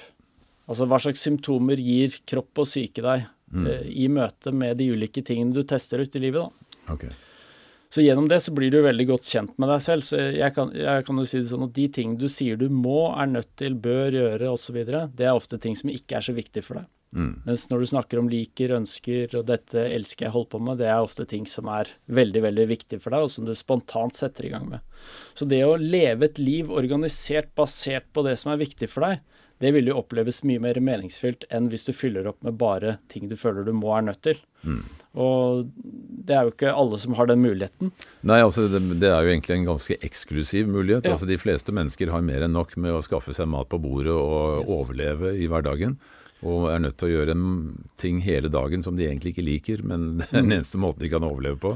Så det er jo altså kanskje bare i et sånn typisk velstandssamfunn som vårt da, at uh, dette mm. faktisk er en, altså et, uh, en mulighet ja. å kunne leve på den måten. Og så dukker jo veldig sjelden de eksistensielle spørsmålene opp i samfunn som er mye mer basert på overlevelse, eller som har mer enn nok med å finne mat på bordet. Mm. Det er litt sånn som Altså det er, finnes få yogastudioer i sånne typer land. Mm. Mm. Og det er en god grunn til det. Mm. Eh, så det er jo et overskuddsfenomen å kunne stille sånne spørsmål, men det har de jo gjort gjennom alle tider mm. når det har vært gode tider, da. Ja. Så, men, men allikevel så er det en, det er en veldig forutsetning Eh, hvis man opplever livet sitt som meningsløst, så er det enten fordi du ikke er fornøyd med de ting som har skjedd i livet, eller at du har masse ting i livet i øyeblikket som du ikke ønsker å ha der i det hele tatt. Mm. Og et eller annet hindrer deg fra å bytte ut de tingene du holder på med, med det du egentlig ønsker. Mm.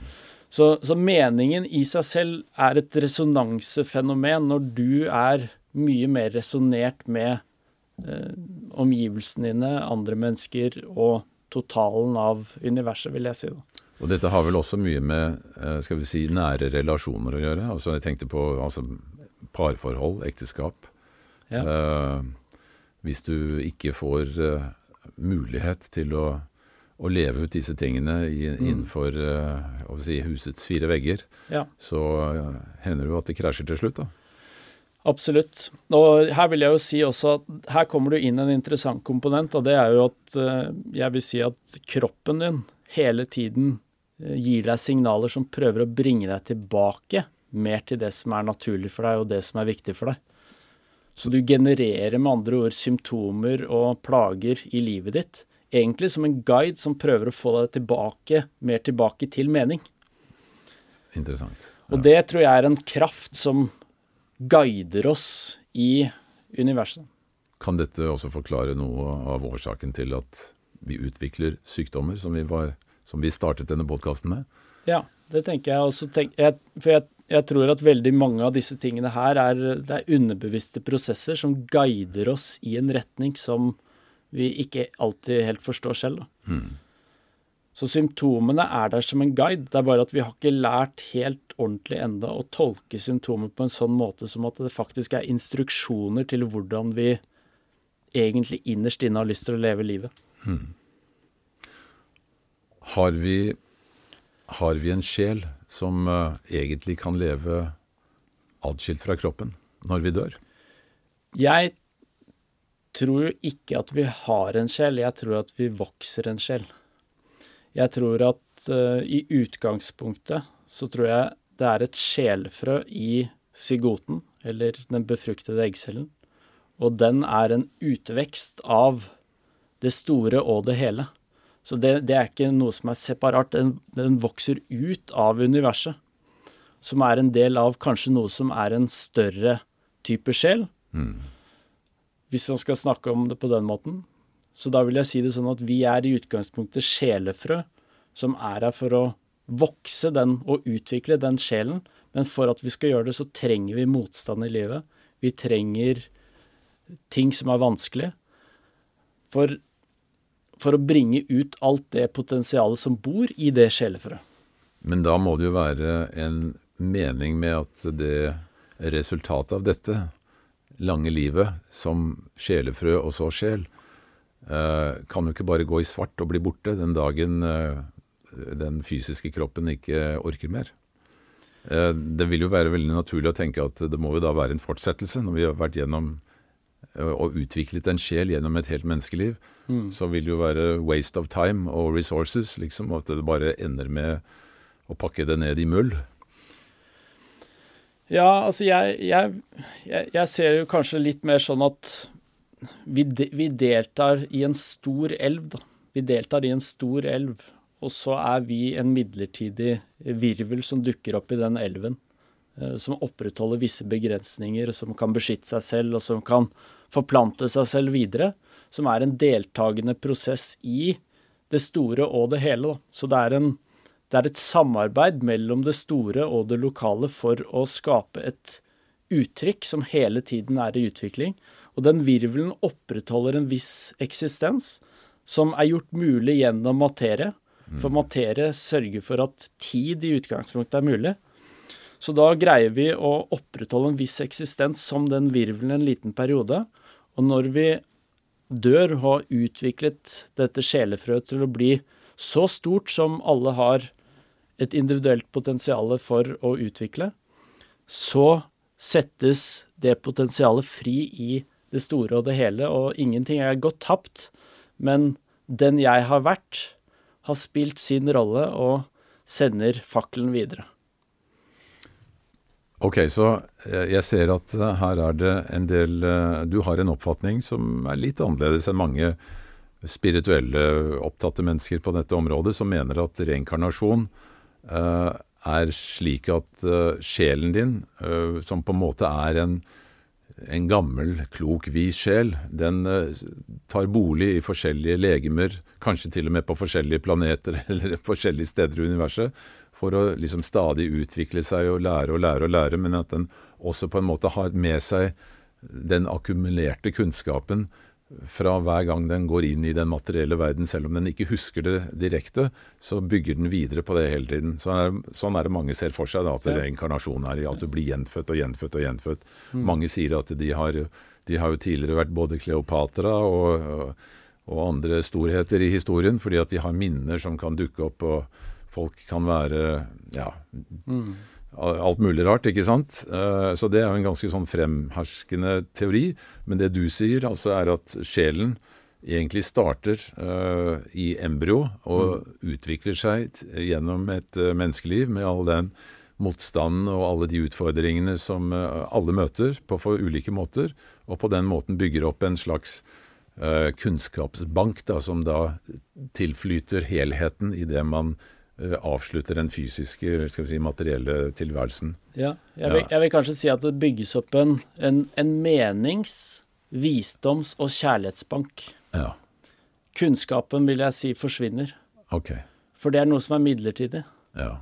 Mens, eh, for jeg ser kunnskap som noe som legger til, mens visdom alltid trekker fra. Mm. Og jo mer du trekker fra, eh, jo mer sitter du igjen med kjærlighet. Ja. Ja, det er et godt bilde. Så, så jeg, jeg, tror på mange måter at Og det er litt sånn som jeg har sett uh, i livet etter hvert også, at det er to ting jeg ikke kan miste. Jeg kan miste alt, men jeg kan ikke miste visdom og kjærlighet. Mm. Og det tenker jeg er en sånn Noe som danner et veldig grunnlag. Så derfor så ser jeg veldig på uh, vårt livsverk her på jorden. Det er egentlig at altså Jeg ser for meg jorden som et slags visdomsakademi, da. Som trener fortapte sjelefrø. Eh, hvordan de skal leve, oppleve mening, eh, oppleve kjærlighet og bli visere. Da. Mm. Det er et annet uh, menneskelig fenomen som uh, også hadde vært interessant å belyse litt, og det er dette med ego. Hva er egentlig ego? Er det noe og spørsmål nummer to, hvis vi kan svare på det også, er det noe liksom vi egentlig bør prøve å kvitte oss med? Eh, det enkle svaret på å kvitte oss med det, så vil jeg si absolutt ikke. Det er noe vi absolutt ikke bør kvitte oss med i det hele tatt. Og hvis jeg skal bare definere ego veldig enkelt, så vil jeg si at det er strukturen og organiseringen av psyken. Det er det som er ego. Så når du er eh, bitte liten, når du er et nyfødt barn, så er du omtrent nesten fusjonert med mor.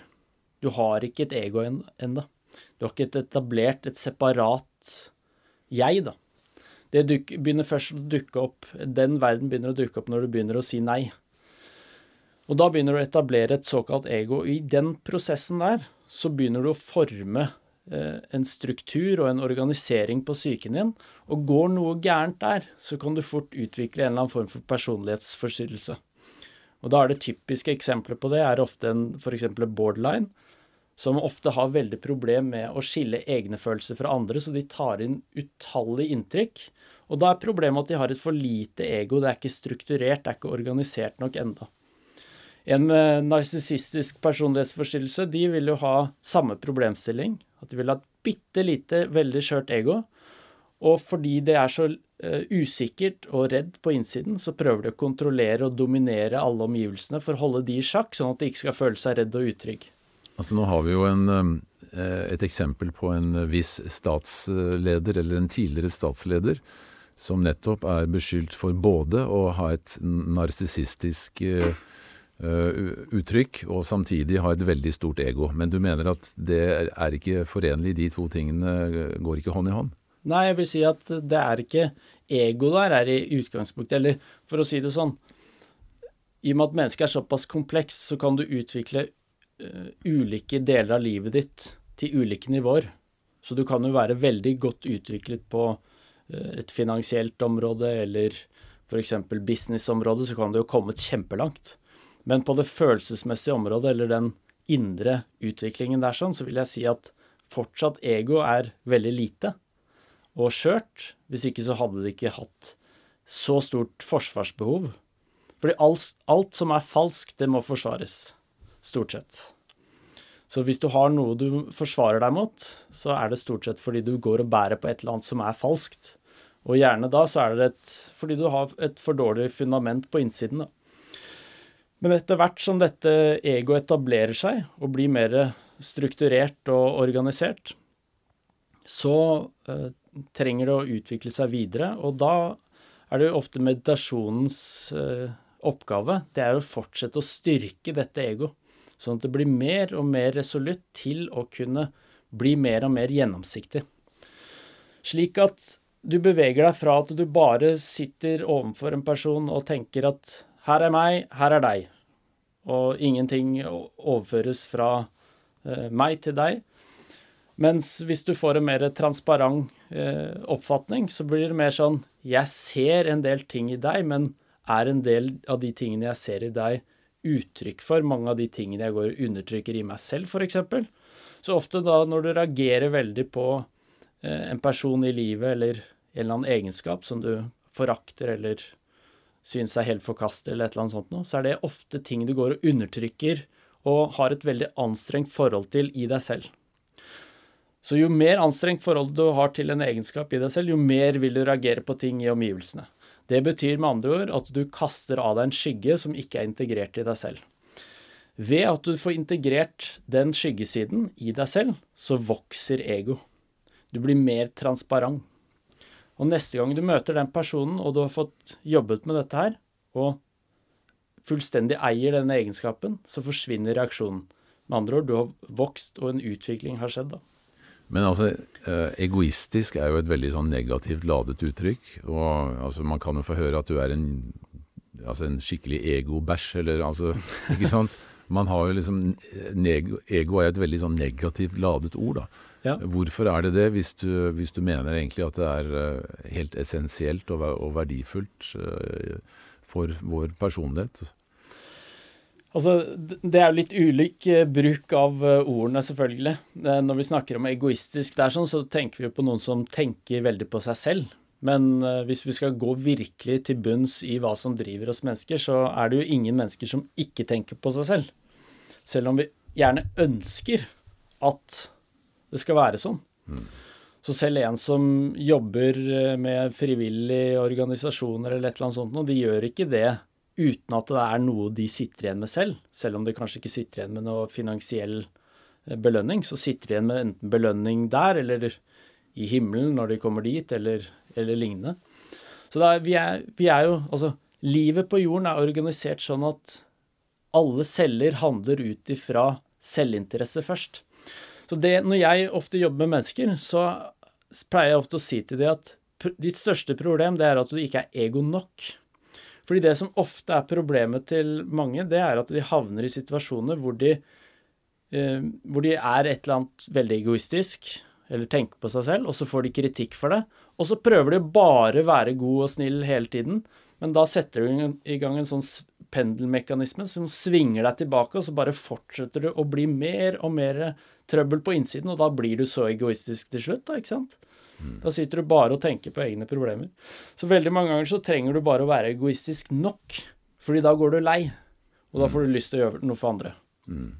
Altså det har jo på en måte vært et slags uh, en slags moral, da. At man skal tenke på andre før man tenker på seg selv, ikke sant. Mm. Uh, og egoister blir ofte beskyldt for å ja, først meg sjæl, og så meg sjæl, og så meg sjæl, og så min neste, hvis det er til mitt eget beste. Altså mm. Det er mange som har hørt den regla der, ikke sant. Ja.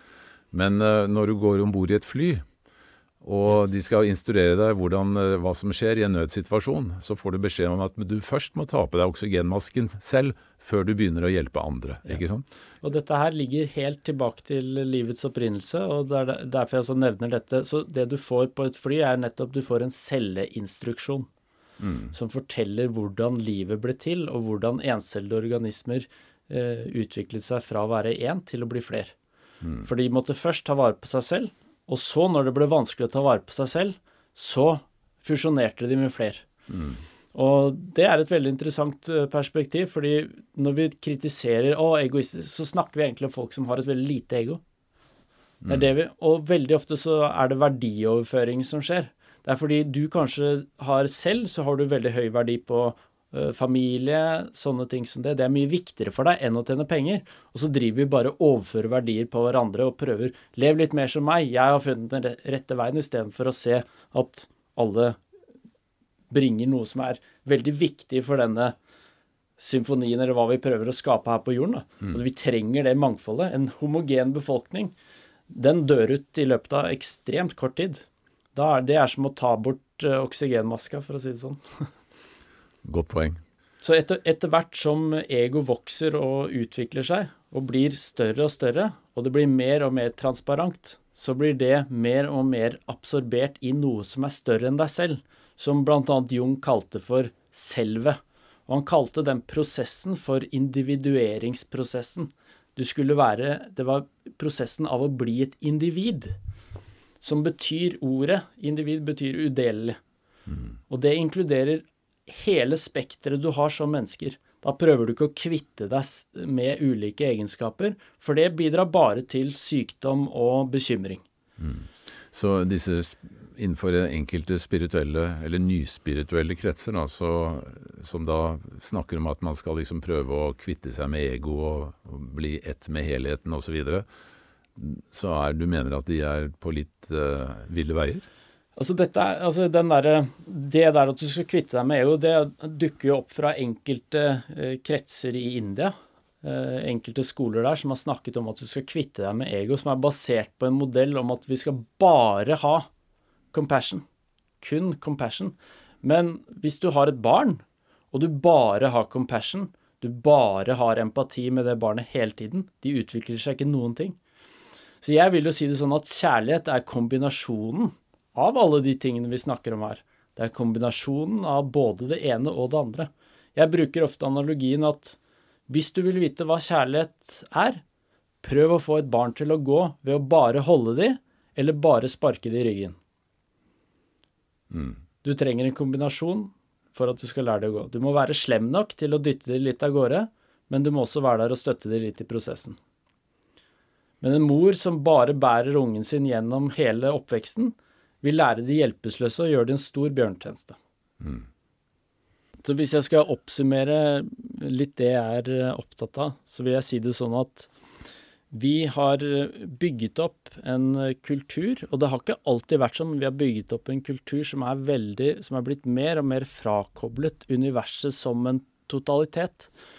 Og fordi universet er bygget på eh, veldig eh, tydelige prinsipper prinsipper og lover, ikke sånne juridiske lover, men dype lover og prinsipper da, som gjennomsyrer hele tilværelsen og gjennomsyrer livene våre. Så når vi har trøbbel i livene våre her på jorden, så er det fordi vi er ikke stemt. Vi er et musikkinstrument som er her på jordkloden, som ikke er stemt med den store symfonien som vi deltar i. Mm. Og mye av det som er symptomer og sykdomsoppgave, er nettopp å prøve å reintegrere oss med den store symfonien. Mm. Så mye av det vi sliter med her på jordkloden, her vi går og prøver å lage vårt eget drivhus, det er at den musikken vi prøver å skape her, den er ikke samstemt med den større musikken. Altså, jeg, jeg tror dette her er en det, det er et musikkstykke som Eller en symfoni av motsetninger som hele tiden veves inn i virkeligheten. Og den, det musikkstykket, eller den store symfonien, den trenger den prosessen av å lage individer for å uttrykke seg ordentlig. Og dette her er ikke noe sånn at det er noe ferdig spikka, at nå er det noen bak her som sitter og skaper. Det er en, en deltakende prosess av individene og det store og det hele for å bringe til livs det som kanskje er eh, det store eh, den store drivkraften og formålet bak universet, som er kanskje at vi skal oppleve eh, kjærlighet i et uendelig antall former. Ser du på universet som en stor, levende organisme?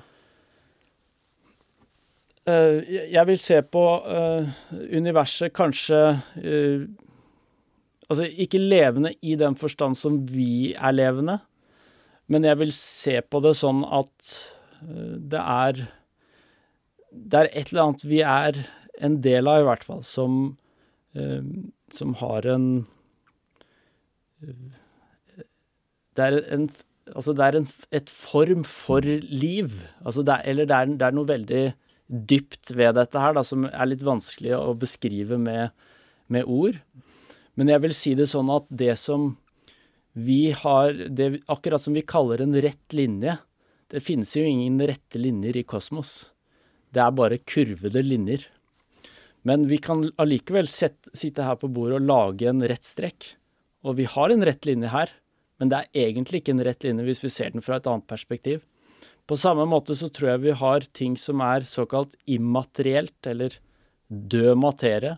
Det tror jeg på samme måte er en samme begrensning i forhold til det som er levende, akkurat som den rette linjen er i forhold til en kurvet eh, linje. Da. Hvor kommer eh, bevissthet inn i bildet her? Eh, altså, jeg er jo uh, Jeg hører ikke hjemme i enten-eller-kategorien. Eh, enten er det det, eller så er det det. For da tenker jeg at jeg eh, beveger meg over i venstre hjernehalvdels måte å se, se, ting på. Og, og, dette er jo noe som uh, Ian McGilchrist har skrevet en del om. Men, men, jeg er veldig Henger meg på Henry Bergson sin uttalelse i forhold til Han sier at materie, det er mye mindre enn materialistens ting. Men det er noe mer enn idealistens representasjon, da. Så jeg tror på mange måter at uh, materien og bevissthet er uh, ulike faser av det samme underliggende uh, store og hele. og at det er akkurat som vann har ulike faser. det kan være is, det kan være flytende, det kan være vanndamp. Mm. Så tenker jeg på samme måte at dette her er ulike uttrykk av hva enn vi kaller det store som er i universet. Mm. Johannes, um, jeg vil egentlig bare si uh, tusen takk for at du delte dine innsikter. Dette syns jeg var veldig, veldig spennende, og det er uh, en fornøyelse å, å, få lov til å, å lufte disse tingene med deg. Så um, ja, jeg vil bare si uh, tusen hjertelig takk, Johannes, for at vi fikk til denne samtalen. Tusen hjertelig takk for uh, at jeg fikk uh, komme hit. Ja, dette var altså lege Johannes Ørbekk Nilsen. Og han har en nettside som heter drjohannes, altså drjohannes.com. drjohannes i et ord, .com.